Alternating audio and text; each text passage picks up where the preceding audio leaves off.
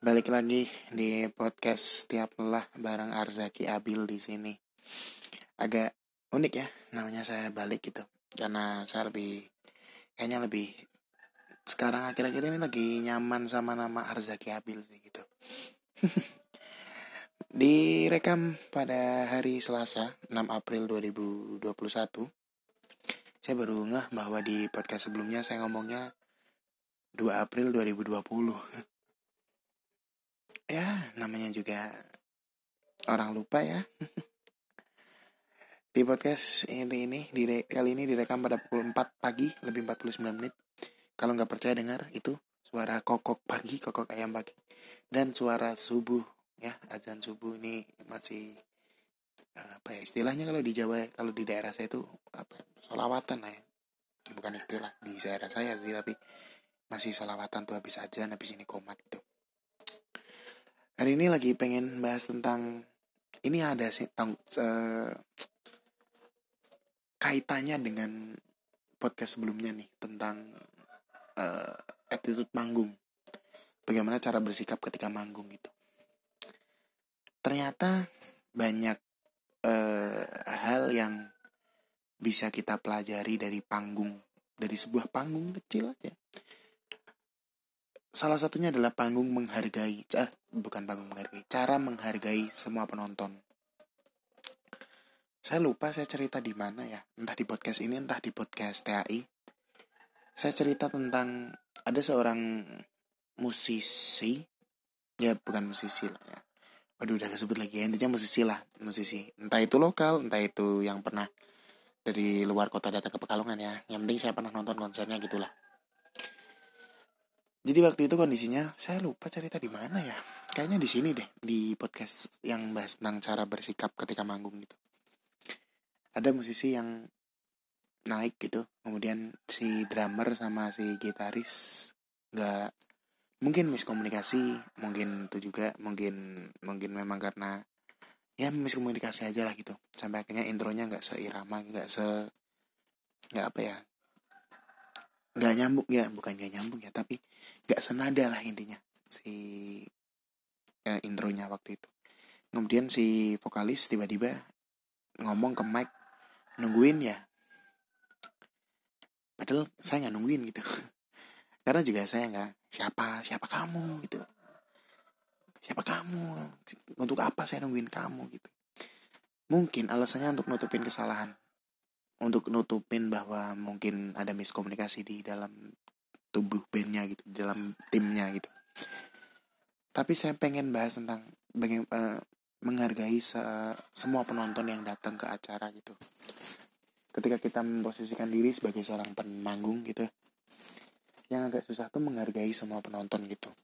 Dan berusaha untuk tidak tidak merasa bahwa kita tuh di atas dalam arti nggak merasa bahwa semua penonton tahu siapa kita nggak jangan pernah merasa bahwa semua penonton mungkin tahu lagu kita mungkin tahu karya-karya kita lah mungkin tahu materi kita. Karena itu bisa mempengaruhi kita ketika manggung gitu. Contohnya nggak usah jauh-jauh lah saya sendiri aja gitu. Saya ketika materi saya misalnya uh, kayak konsep open mic kan adalah latihan ya. Latihan untuk dari materi yang belum matang jadi matang lah intinya dan untuk siap dipanggungkan di panggung yang lain gitu panggung profesional lah intinya.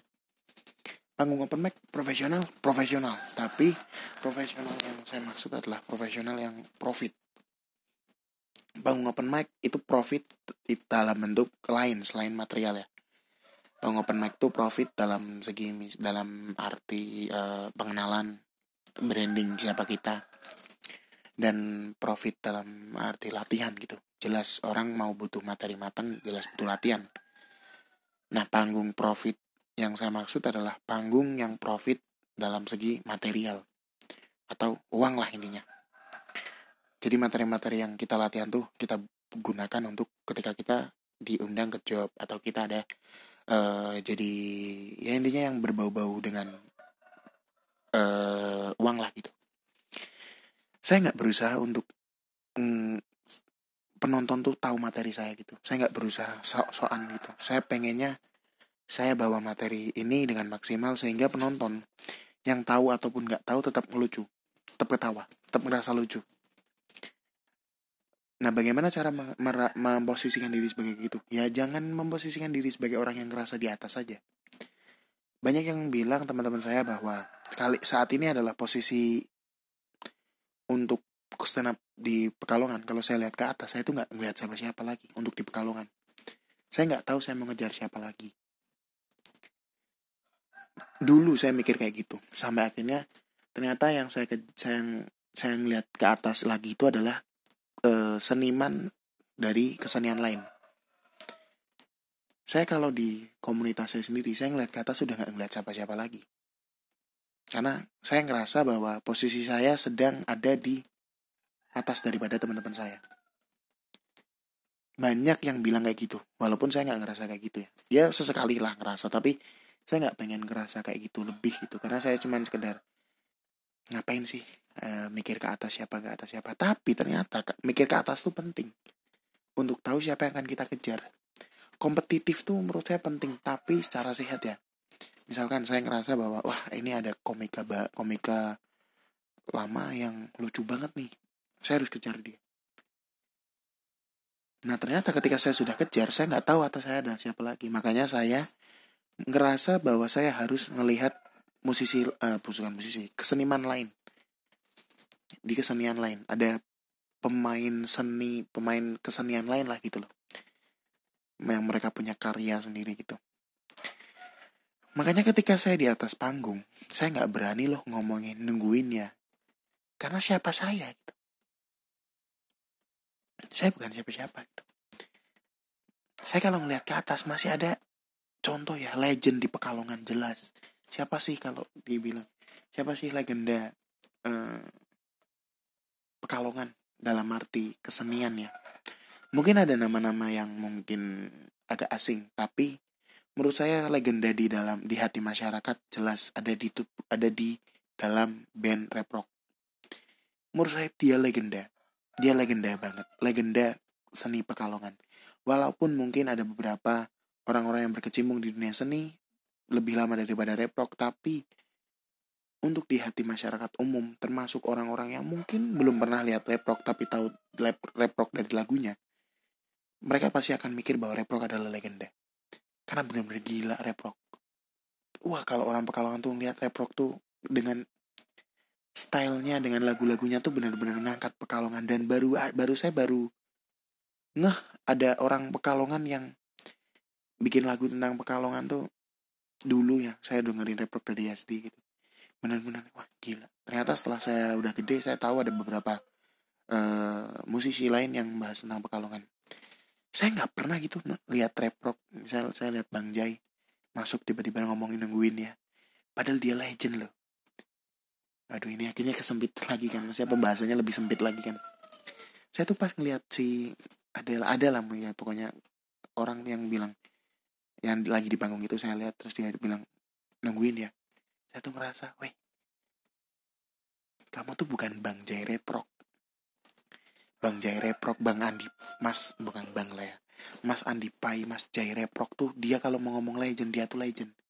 Satu band Reprok kalau mau ngomong nungguin ya saya nungguin saya tuh nggak pengen gitu ngerasa bahwa dari saya sendiri ya saya nggak pengen rasa bahwa saya lagi ditunggu sama penonton siapa saya gitu. Bahkan di special show ini special show loh kelasnya. Levelnya udah sampai di kelas special show. Special show itu jelas orang nunggu yang terakhir main dan yang terakhir main saya. 2019 bulan Desember tanggal 27 saya masih ingat saya nggak masuk tiba-tiba saya bilang nungguin ya gitu menurut saya harus ada saya semacam pengetahuan untuk bagaimana mendekatkan diri kepada penonton gitu Masalahnya, menghargai penonton itu susah loh. Menghargai penonton agar penonton tuh bisa menghargai balik kita. Saya sebagai seorang stand up komedian. Sekalipun saya ngumpat ke penonton, itu konteksnya komedi. Dan ketika turun, kalau saya ngerasa bahwa saya yang mulai ngumpat ke dia, saya bakal saya bakal minta maaf. Kecuali kalau dia yang mulai ngumpat. Karena dia mulai ngumpat artinya kita sama-sama pernah ngumpat nih bareng. Dia ngumpat terus saya balas ke dia ngumpat juga. Saya ngerasa fair. Tapi ketika saya mulai ngumpat dulu saya nggak bakal gitu turun turun aja gitu. Saya turun panggung pasti nyamperin dia maaf ya mas maaf ya mas. Sekalipun itu saya nggak ngumpatin dia saya cuman sekedar bahas dia ketika lagi saya lagi stand up atau ketika lagi MC di open mic saya bakal turun minta maaf itu. Karena menghargai penonton tuh susah. Nah bagaimana cara mendekatkan diri ke penonton? Ya jangan sok gitu aja. Orang tahu kamu tampil tuh karena terpilih atau mungkin karena regis.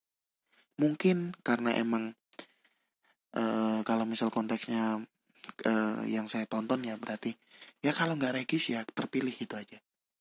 Jangan pernah ngerasa bahwa ya setelah regis sih kepilih gitu ya. Maksudnya jangan pernah ngerasa bahwa diri kita itu sebagai penampil kita itu ngerasa bahwa kita ditunggu nih sama penonton. Yang ditunggu tuh gestar. Yang ditunggu tuh gestar. Bahkan gak semua penonton gue gestar. Ada penonton yang datang ke acara itu cuma karena respect karena temennya panitia. Dia nggak tahu siapa yang main adalah beberapa cerita kayak gitu. Cuman tolong maksudnya saya saya nggak nggak terlalu pengen mbak nggak terlalu pengen menyalahkan satu pihak. Mungkin ada alasan tertentu cuman menurut saya itu serius saya waktu lihat waktu dia waktu itu saya tuh sebelnya se kepa, kepala sampai kotak saya tuh sebel ikutnya.